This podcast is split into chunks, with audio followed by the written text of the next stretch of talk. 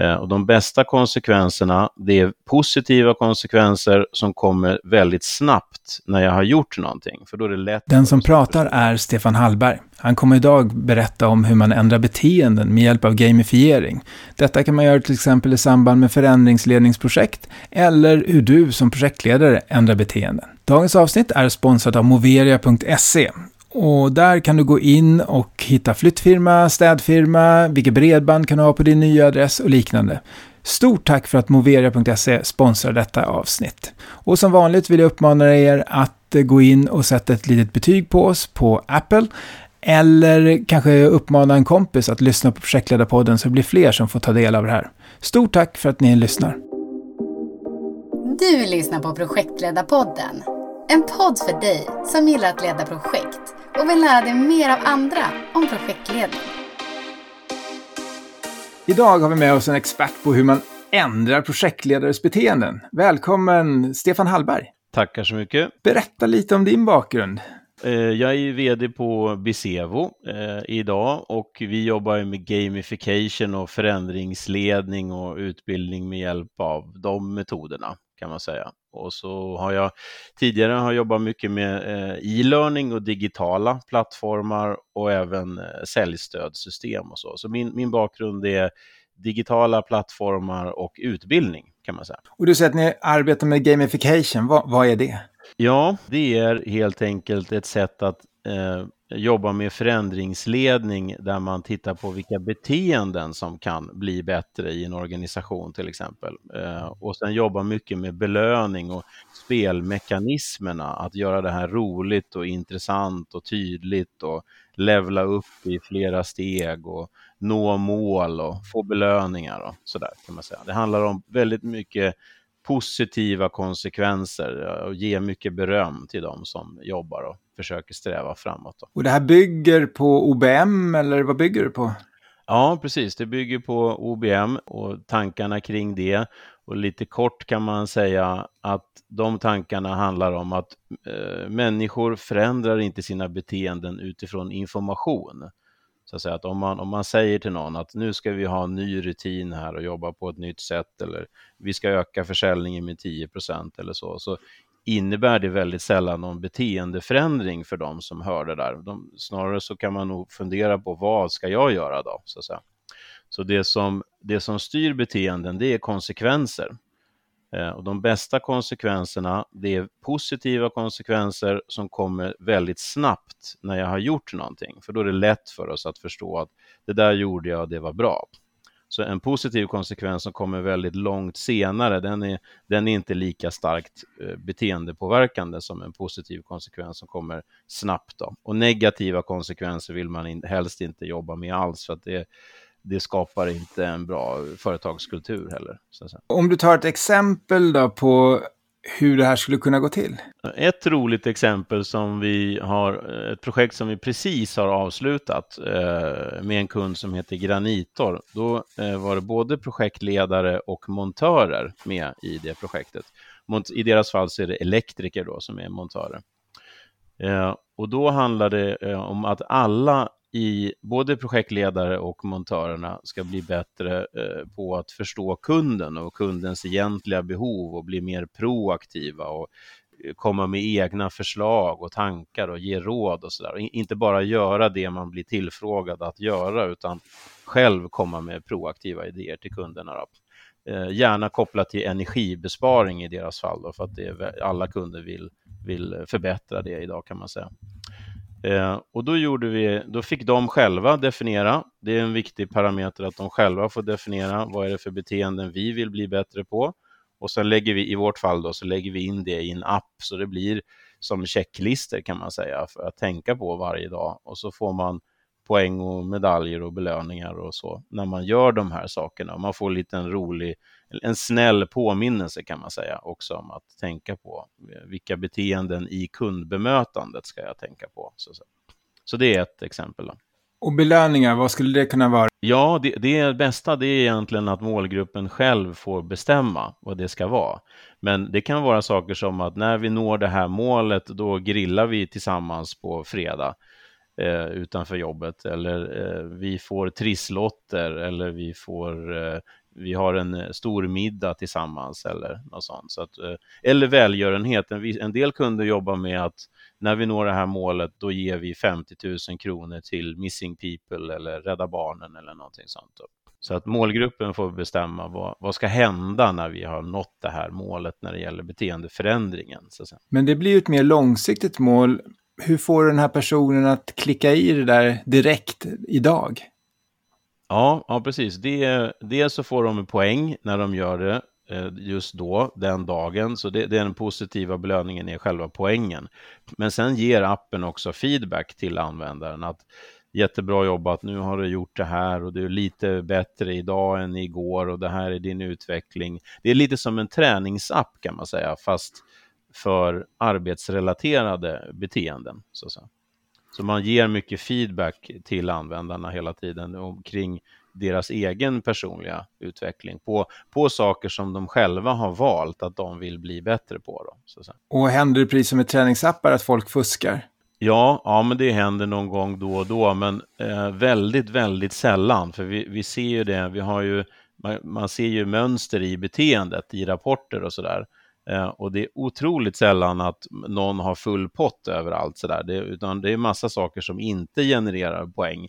Eh, som, det är svårt att göra allting rätt varje dag, så, så, så folk är väldigt ärliga en anledning till att man är ärlig, det är ju därför att andra, alltså kollegor ser ju ofta, man riggar det nästan alltid så att det är transparent. Så man i, i små grupper så kan, ser man varandra, de, man kan följa varandra och jag får visa för mina närmsta kollegor vad jag gör och så.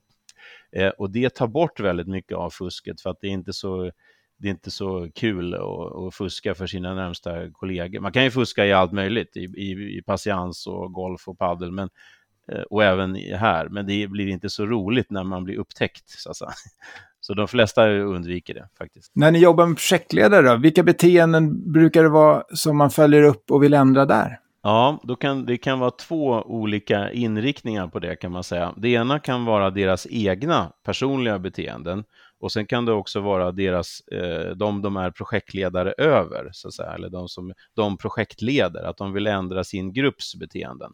Eller, eller både och kan det också vara förstås. Men när det är deras egna beteenden, då, kan det, då är det väldigt ofta ganska klassiska ledarskapsbeteenden. Och då kan det vara aktiv coachning till exempel, att man ska lyssna aktivt och man ska coacha aktivt och man ska ha Eh, varje morgon har man ett kort möte till exempel som alla vet vad de ska göra över dagen och, och följa upp på gårdagen och sådär. Så att man, ofta handlar det om det här med aktiv och positiv uppföljning kan man säga. Och, och, mycket att verkligen coacha, att inte liksom bara släppa allting och hoppas att det går bra, utan blir väldigt aktiv i sin, i sin coachning, eh, positivt inriktad coachning då förstås. Det handlar mycket om att lyssna, fråga och lyssna, inte så mycket detaljstyra alla hela tiden, utan bli mer aktiv i att fråga och lyssna och kolla hur det går och följa upp. Och att alla hela tiden vet vad de ska göra och när de ska göra det. Och så alla förstår målbilden som vi har. Så det, det är de vanligaste projektledarbeteendena. Det skulle jag säga. Och för, för de som är med i projektet, då är det ganska vanligt att det handlar om eh, hur de kan samarbeta på ett bra sätt. Hur, hur, att man delar med sig av information, att man eh, hjälper andra. Eh, säkerhet är ganska vanligt också, att man följer säkerhetsrutinerna för att det, alla är väldigt måna om att undvika olyckor. Eh, på arbetsplatsen, men det kan ändå vara så att man har vissa personer som slarvar lite och går liksom enligt på gamla, så som man brukade göra förr i tiden. Så, så. Och då kanske man vill att alla ska ha hjälm eller säkerhetslina, eller man går igenom säkerhetsriskerna för varje dag, till exempel i ett projekt. Lite ekonomi brukar det också handla om, att man, att man ser till att alla projektdeltagare hela tiden har koll på vad som ingår och inte ingår i ett projekt. Så att de, när de, ibland så går ju kunden på en projektdeltagare direkt och säger kan du fixa det här också? Och då är det ju många som vill, de vill vara snälla och hjälpa kunden, så de, de säger ja. Eh, men det är inte säkert att det där egentligen ingick i avtalet och då vill man få en, en bra dialog om det så att man får betalt för det jobb som man faktiskt gör. Då det är också ganska vanlig typ av beteende, så man får lönsamhet i projekten. Så om, om jag skulle vilja använda gamification för att förbättra engagemang, motivation, prestation inom mitt projektteam, hur skulle det gå till när vi träffas första gången? Ja, precis. Då skulle man börja med att försöka definiera det. Vad, vad, är själva målet? Som, vad är det man vill förbättra? Vad är själva nyckeltalet eller KPI som man ska förbättra? Och om det till exempel skulle vara lönsamhet i projekt, eh, då det är ganska vanligt att det är huvudsak, huvudmålet egentligen, lönsamheten per projekt. Eh, och då tittar man på vad är det för beteenden sen som både projektledarna och projektdeltagarna verkligen kan utföra, som, som går att göra, går att påverka varje dag. Så man, man tar bort allting som är konjunktur och kunder och konkurrenter. Man tittar bara på de, det vi i vår lilla grupp, vad kan vi påverka och vad är det för beteenden som vi gör varje dag och varje vecka. Och det blir sen själva spelet eller gamification-innehållet då. Och de beteendena, det skulle kunna vara? Ja, för, för det skulle kunna vara till exempel att vi ska ha ett morgonmöte enligt en eh, fast agenda där vi går igenom eh, önskemål från kunden, eh, säkerhetsrutiner, vad ingår och vad ingår inte. Det skulle kunna vara ett beteende. Och för projektledarna så skulle det kunna, och det är för alla, och för projektledarna så skulle det vara att de eh, lyssnar aktivt och coachar aktivt eh, sina medarbetare varje dag. Eh, och för projektdeltagarna så skulle det vara saker som att, eh, att eh, hjälpa en kollega till exempel, eller eh, rapportera in en tilläggsbeställning till projektledaren till exempel. Du har sagt att ni har hjälpt projektledare att öka sin lönsamhet med 15 procent. Mm. Hur, hur, går det till eller vad har du för bakgrund till det? Ja, det var, det var faktiskt just den, den jag eh, pratade om nu. Då. Exakt. De, eh, de definierade sitt projekt precis på det här sättet eh, och resultatet av det efter sex månader Eh, det, det, är att lönsamheten på projektnivå då ökade med 15 procent. Och det var väldigt mycket för dem, eh, för det är en, en lågpris, ja, det är en, det är en pressad eh, bransch som de, som de jobbar i där. Så att, att få alla att verkligen göra de här sakerna varje dag, det är det som ofta är så himla svårt, att verkligen få till beteendeförändringar i praktiken. Så att folk kan ju förstå vad man ska göra och så, men, det, men sen att börja jobba lite annorlunda, eh, ny rutin och sådär, det, det, det är ofta väldigt svårt för folk i och med att det, det kräver energi att ändra sig lite grann då. Och då blir det lite motstånd eh, kring det där och då behöver man belöna och bekräfta, vara väldigt tydlig med vad man ska göra, när ska det göras? Men, men det är också viktigt det här att det är de som får bestämma det tillsammans. Alltså det är de som man, eh, de är väldigt delaktiga i att ta fram eh, vilka förbättringar som de vill själva vill jobba med. Så, så. så man förankrar förstås hela projektet på det sättet genom att man, man, frågar vad är viktigt för dem? Vad skulle de vilja bli bättre på? Och det är det som sen blir innehållet i appen. Så det blir en typ av checklister kan man säga? Ja, det, det är det. Det är tydliga checklister men inte bara det, för det blir då, gamification-elementen är ju för att stimulera att checklistan används. Då.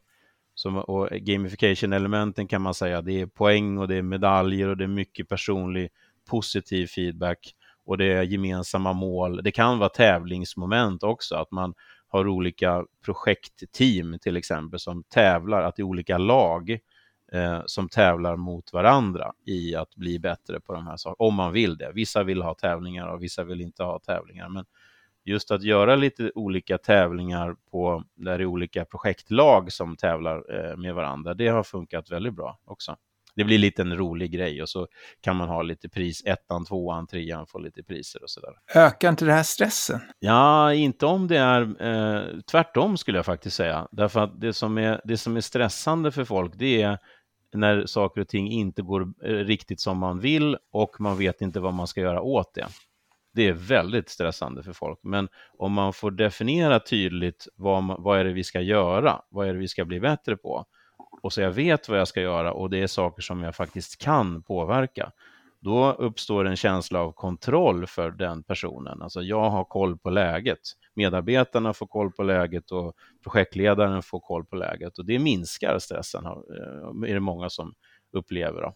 Och sen det här med tävlingsmomentet, det är ju en liten rolig grej för att få fart på det. Och skulle man uppleva att de inte vill tävla, då får man ta bort det bara. Då har man bara gemensamma mål och personlig feedback. Så Men, men eh, det här med stress, det är en jättebra fråga. Jag funderade själv jättemycket på det väldigt länge. Att eh, är, är det, blir det bra det här då? Eller blir de stressade och oroliga och så vidare? Men, men feedbacken vi får, det är att de, eh, att de upplever det som skönt och tryggt att, att veta att jag och alla andra eh, kör på rätt sida om vägen, om vi säger så. Då. Alltså att man, vi, vi jobbar på rätt sätt och det blir bra i slutändan. Så. Och vad är skillnaden mot det du gör jämfört med att vi tar ett initiativ på vårt företag, det vill säga att nu ska vi börja följa upp att ni bär hjälm och vi kommer komma ut och titta varje dag att ni verkligen gör det? Ja, nej, det, är, det är relativt likt. Det är bara det att det är i praktiken ganska eh, tidskrävande att gå ut och titta. Eh, någon ska gå ut och titta varje dag att alla har hjälm på sig hela tiden. Men jag tycker inte att man ska ta bort den här mänskliga kontakten och mänskliga dialogen. Och att ser man någon som inte har hjälm på sig så går man fram och säger till. Så, här, här har vi hjälm på oss därför att det finns en säkerhetsrisk här. Så den, den ska man inte ta bort. Så att säga. Det är bara det att, att, vara, att coacha så nära eh, eh, som appen kan göra, det är väldigt svårt för chefer att kunna, och för projektledare att kunna coacha så nära, så dagligen, för all, man hinner inte med det helt enkelt. Så, så appen hjälper till i det coacharbetet. Då. Och hur får man då varaktighet i den här förändringen? För det kanske är rätt lätt att man har en liten hype kring någonting och sen gör alla det och sen så eh, rinner det här ut i sanden. Ja, ja precis. Det är också en, en vanlig och väldigt bra fråga. Eh, och oftast så kopplar man, det, eh, det man tänker då, det är oftast man tänker så här, träningsappar eller så, som det här ju också är. Och så tänker man att ja, men om jag, jag, vi gör en stegtävling här och sen så håller vi på med det och sen efter ett tag så försvinner det. Men det är ju för de allra flesta, de som har svårt med det, det är ju personer som kanske inte dagligen tränar. Och så kommer de upp och så börjar de träna under en period och sen så när de inte får den här yttre stimulansen av, av träningsappen så slutar man. Men jobbrutiner, som tur är, fungerar inte riktigt på samma sätt därför att det är ofta lättare och mindre energikrävande att göra rätt. Det är bara det att man har inte upptäckt det riktigt än. Det är oftast bättre att följa en process och en rutin och använda ett system på rätt sätt det tar mindre energi, det sparar ofta tid. Eh, det är väldigt sällan man har nya rutiner och processer för att det ska krångla till saker och ting, utan det är ofta, de är ofta bättre än det gamla. Det, det är bara det att folk måste ta sig över den här tröskeln och upptäcka det här. Det, blir ny, det, är nya, det är nya beteenden helt enkelt på något sätt. Och då måste man ta sig över det där och, och komma in i en situation där man upptäcker att det nya var bättre. Och, och ofta så kommer man då upptäcka det och då blir det beteendet kvar, bara därför, så att säga. Därför att det var faktiskt enklare och då vill man inte gå tillbaks till, till det gamla sättet att arbeta. Tar ni då bort de sakerna som man inte får poäng för längre och så lägger ni till nya saker, eller hur fungerar det? Ja, precis. Om man, om man känner att nu börjar det här, nu, de här vanorna och de här rutinerna, de sitter och fungerar nu, Eh, ja, då behöver vi inte stimulera dem lika mycket längre. Då kan, vi, då kan de få något annat att jobba med, något annat viktigare, så att säga, som, är, som är viktigt för den gruppen då. Så att säga. Vissa saker kan kanske man aldrig slutar med, alltså, eh, och vissa saker kommer, kommer man ta bort efter ett tag och, och ersätta med något annat. Så att säga. Och känslan hos medarbetarna då, är den inte att åh, nu bara ytterligare en sak att fylla i? Ja, det kan vara så i, i början så kan det vara den, eh, alltså den, den första, om man säger nu ska vi ha en app och det, vi ska jobba med det och ni ska få belöningar. Men eh, vi har, vi, i snitt så ligger vi på 85 procent aktiva användare. 85 procent aktiva användare. Det är jätte, jättehögt för en sån här typ av app så att säga. Och anledningen till det, det är ju att vi jobbar så mycket med de här gamification-elementen, att vi, vi jobbar så mycket med positiv feedback och personlig utveckling och mål och belöningar hela tiden. Så att de vill, eh, de vill använda appen helt enkelt, de allra flesta. Så Men det finns en, eh, det gäller ju att de är med och tar fram vad det ska handla om. Det är jätteviktigt att de tycker att det här är, innehållet är relevant och bra för dem och för eh, inte bara för dem själva utan även för den gruppen de är med i, att de, att de känner att det blir bättre för mig om alla i gruppen är bättre på det här. Det, det kan man ganska snabbt och lätt förstå när man, när man tar fram innehållet att det här kommer bli, det här kommer bli bra, det här kommer bli bättre för alla. Eh, och då, då får man engagemanget att använda det. Och om man skulle vilja göra det här utan app, hur skulle man göra det då? Ja, då skulle man ju ha papper egentligen. Man skulle ha någon eh, eh lista liksom att eh, eh, gör det här. Eh, varje, har, har, du tänkt på det här varje dag? Eh, eller mejl eller någonting sånt. Alltså en, en, en checklista. Men det som är nack... Många har ju checklistor. Nackdelen med, eh, är, är, att de inte alltid blir använda. Så, så det är det. Så syftet med gamification är att se till att få checklistan att bli använd kan man säga. Det, det är så enkelt. Eh, och man använder bara jättemycket med OBM-tankarna och kortsiktig belöning och feedback och positiv bekräftelse hela tiden då, och gemensamma mål.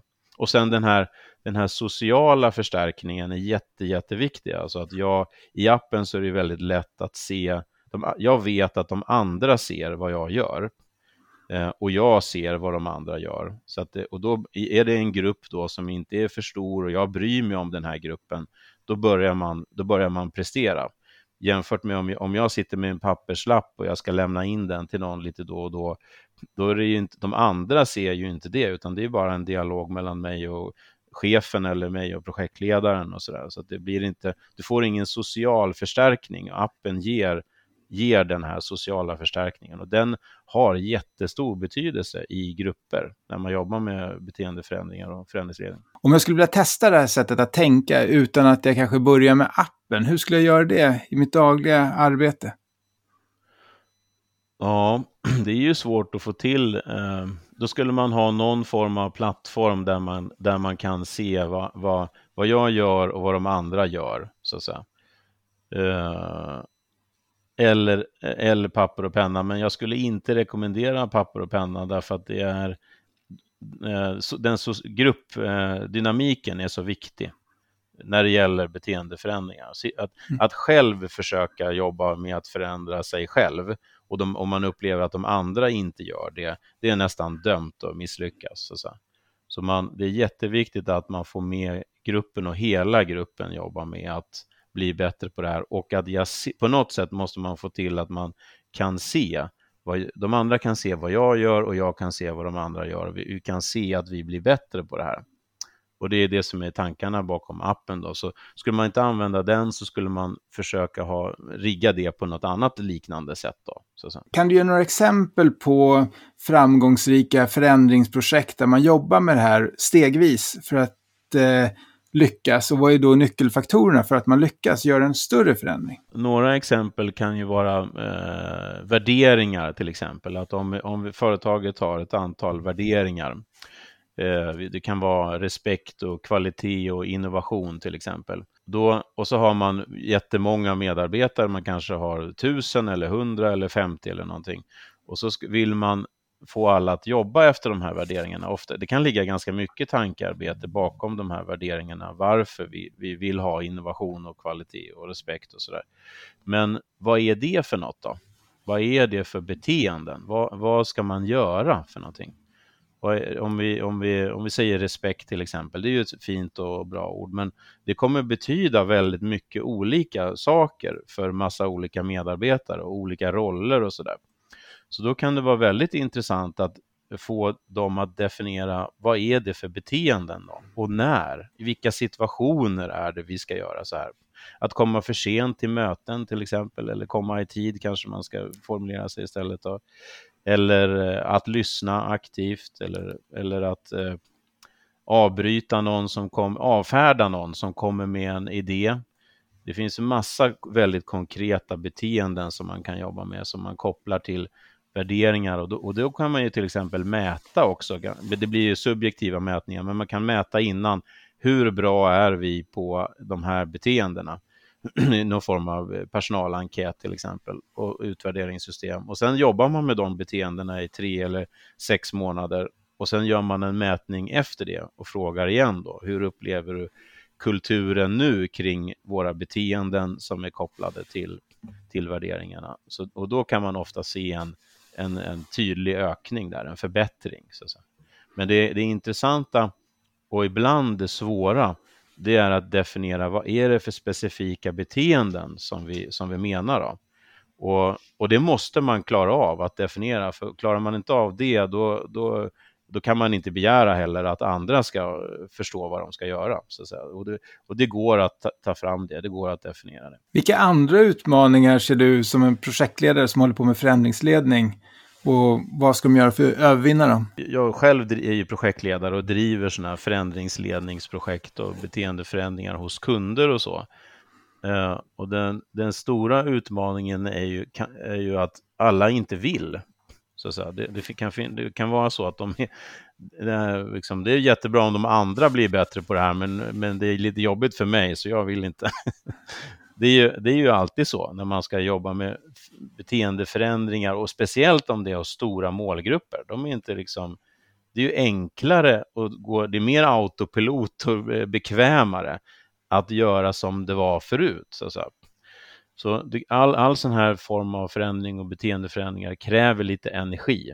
Och då, och då kan det bli så här, jag orkar inte, jag vill inte och så vidare. Men då, och det är ju det som är det svåra, att ta sig över det. Så att säga. Och det får man göra i, i dialog, att, att äh, återigen då fråga dem. Vad, varför behöver vi bli bättre på det här? Varför är det viktigt? Och sen försöka förenkla och definiera beteenden som de tycker är relevanta.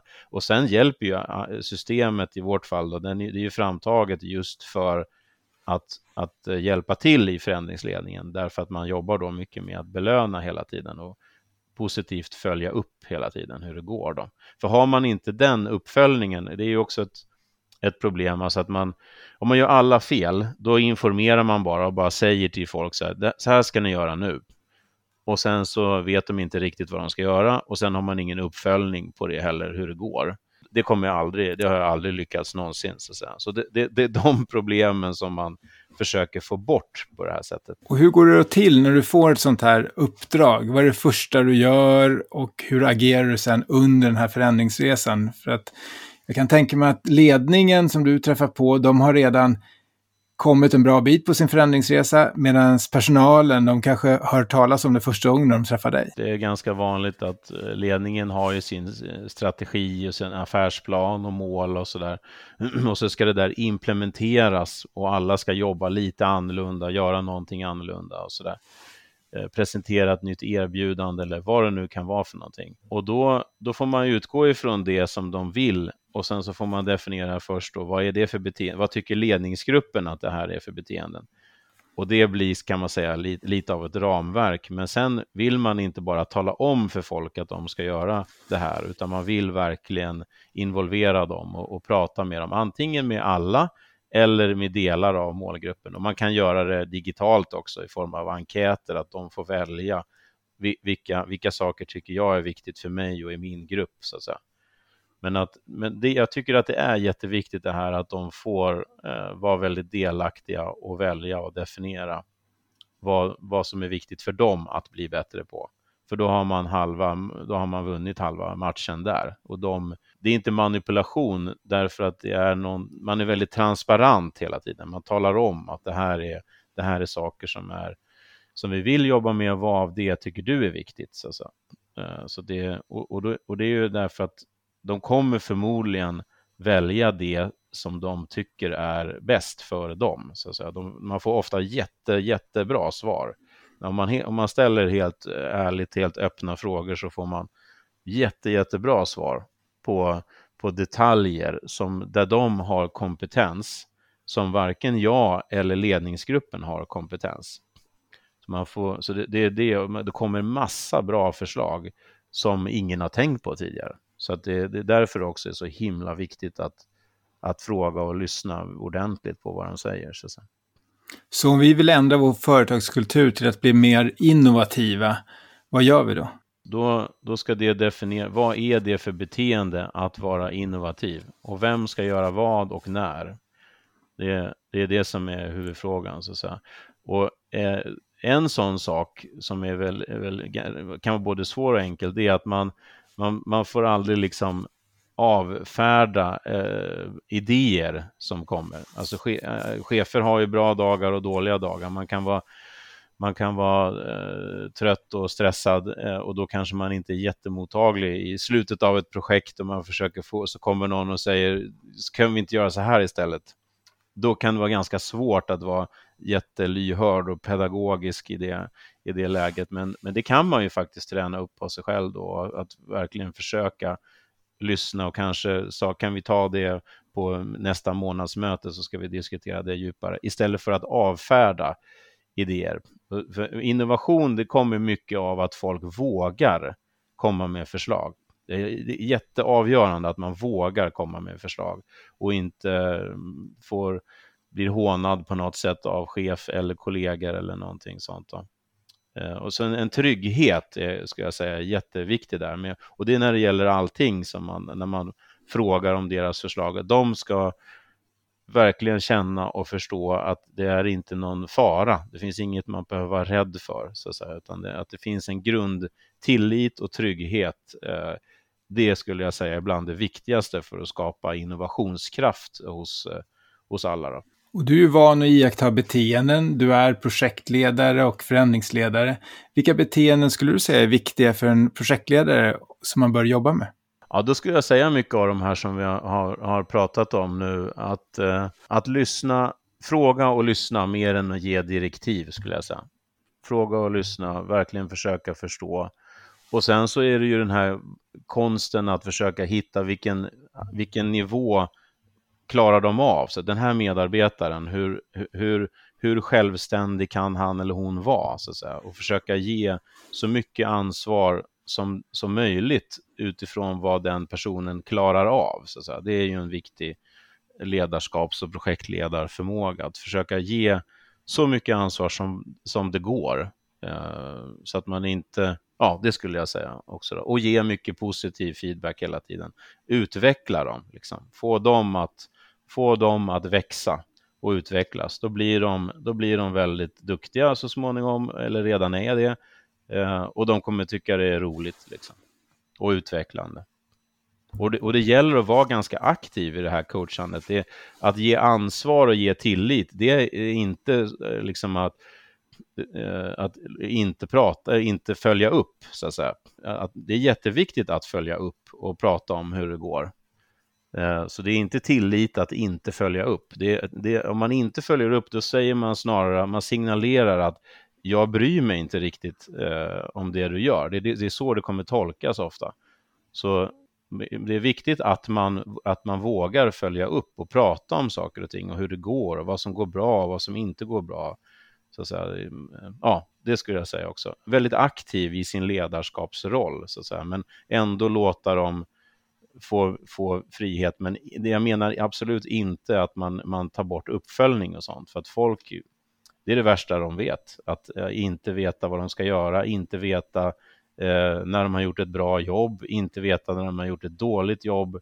Det, det är oerhört dåligt och det kallas ibland för tillit, men det är inte tillit. Det skapar bara stress och oro. Så. Vilka av dina beteenden jobbar du med just nu i din app? Jag har beteenden för kundmöten bland annat. Att ställa vissa behovsanalysfrågor och, och sen också boka in nästa, att driva processen framåt, att boka in nästa steg så att säga, tillsammans med kunden, komma överens om ett nästa steg. Så men, vi lägger mycket fokus på eh, eh, behovsanalysfrågor, att förstå vad är, vad är företagets mål och vilka beteenden, prata om beteendet så att säga.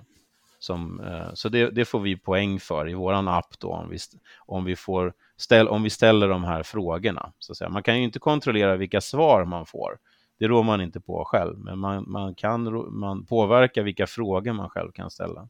Vad är den positiva förstärkningen i det ni gör internt? Vi har lite olika faktiskt. Dels så ger vi, när vi når ett visst mål, då ger vi pengar till, till välgörenhet. Då har vi Rädda Barnen och BRIS. Eh, så det är en sak som vi gör. Eh, och sen så har vi en, ett annat mål med i antal kundmöten. När vi når det, eh, då har vi en, en middag tillsammans. Alla på företaget har en middag tillsammans. Då. Ser du någon skillnad i om man har gemensamma positiva förstärkningar eller förstärkningar som bara rör mig som individ? Ja, jag, jag gillar ju mycket det här med lag och gemensamma belöningar. Så, så det, det, tycker jag. Men det beror på situationen och det beror på målgruppen. Så det är inte alltid så här svart och vitt eh, alla gånger. Men, men det är väldigt positivt för människor att jobba i små grupper där man känner varandra och att vi tillsammans ska nå det här målet. Och när vi tillsammans har nått det målet, då eh, har vi en middag tillsammans till exempel.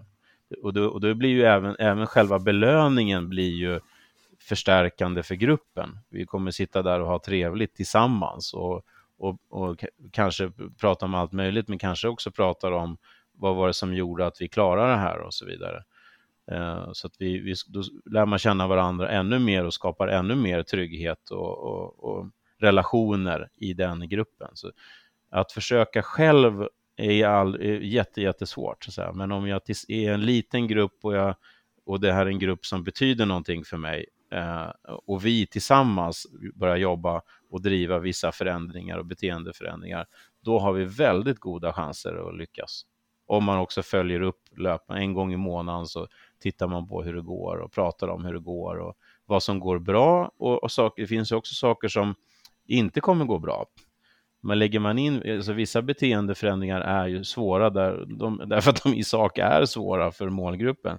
Då kan det ju vara så att äh, men jag får inte till det där riktigt, eller det är många som inte får till det där riktigt. Och det är ju jättebra att man ser det då. Då ser ju alla det helt öppet. Det hade man inte sett om man bara hade informerat och hoppats att det ska gå bra. Så då ser man ju också att de här grejerna går jättebra och det här går mindre bra. Och då kan vi prata helt öppet om det. Vad beror det på? Då, eh, det har hänt flera gånger och då, då får man jättebra svar. De, de säger saker som att jag tycker att det där är väldigt svårt att få till. Därför att, och så kommer en förklaring till varför de tycker att det är svårt. Ibland kanske beteendet är felformulerat. Det funkar inte riktigt i praktiken, i verkligheten. Det, det kan också vara så. Och det är jättebra att upptäcka, då måste man korrigera det. Så alltså att mål, målgruppen har rätt i att det här är inget bra beteende, det kan hända. Och då ska man vara väldigt lyhörd för det då, naturligtvis. Eller, eh, eller så är det så att de behöver utbildning, mer, mer liksom konkret utbildning i hur, hur ska jag göra det här? Jag, vet inte riktigt. Och det är inte alltid de erkänner det från början. Så att säga. Det är inte alla som våga säga riktigt så öppet att jag, jag vet inte riktigt hur jag ska göra. Men det kommer ju komma fram efter ett tag om det inte kommer fram innan, så att säga. Eh, och då är det jättebra, då vet man det och det ska man ju inte vara, göra någon stor sak av, utan det är ju bara att man utbildar på det då, eftersom det, det, syftet är ju att förbättra gruppen. Min erfarenhet när man genomför sådana här projekt är att eh, oftast kommer fram att kanske en del mellanchefer eller ledningen inte riktigt eh, uppskattad av personalen och att en del av problemet ligger där. Hur hanterar du det? Så kan det vara. Och frågan är ju då alltid varför är, varför är det så? Vad är det som, vad gör cheferna som gör att de inte är riktigt uppskattade? Så att säga? Och kommer man då in i, eh, och då är, det kan ju faktiskt vara saker som att de de talar om för medarbetarna att du ska göra på det här sättet, gör si och så. Eh, och det de säger att de ska göra si eller så, det tycker medarbetarna inte är riktigt bra förslag av olika anledningar. Och de kan, ha, eh, de kan ha rätt i det eller de kan ha fel i det, eller blandning av det hela. Så att säga. Men det är väldigt vanligt att det är någon, någon eh, det är brist på kommunikation, liksom. det är för lite kommunikation. Och, det, eh, och i slutändan så är, kommer folk säga upp sig.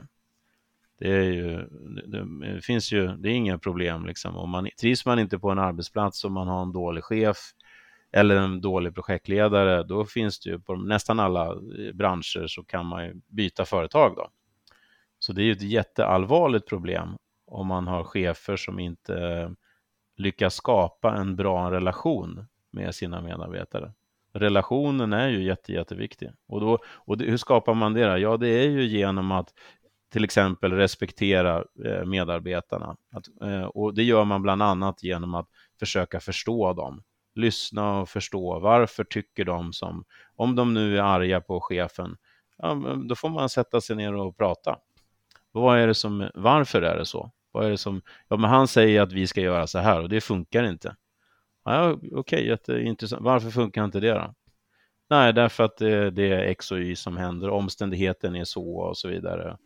Och de här två eh, direktiven är, går emot varandra. Ska jag göra det eller det? Det går emot varandra. Så att säga. Då, det är ofta ganska så, det kan ofta vara i alla fall, ganska sakliga saker som är och sen kläs det där på med en massa känslor och massa snack hit och dit. Men i, i, det finns ofta sakliga skäl till varför de känner så.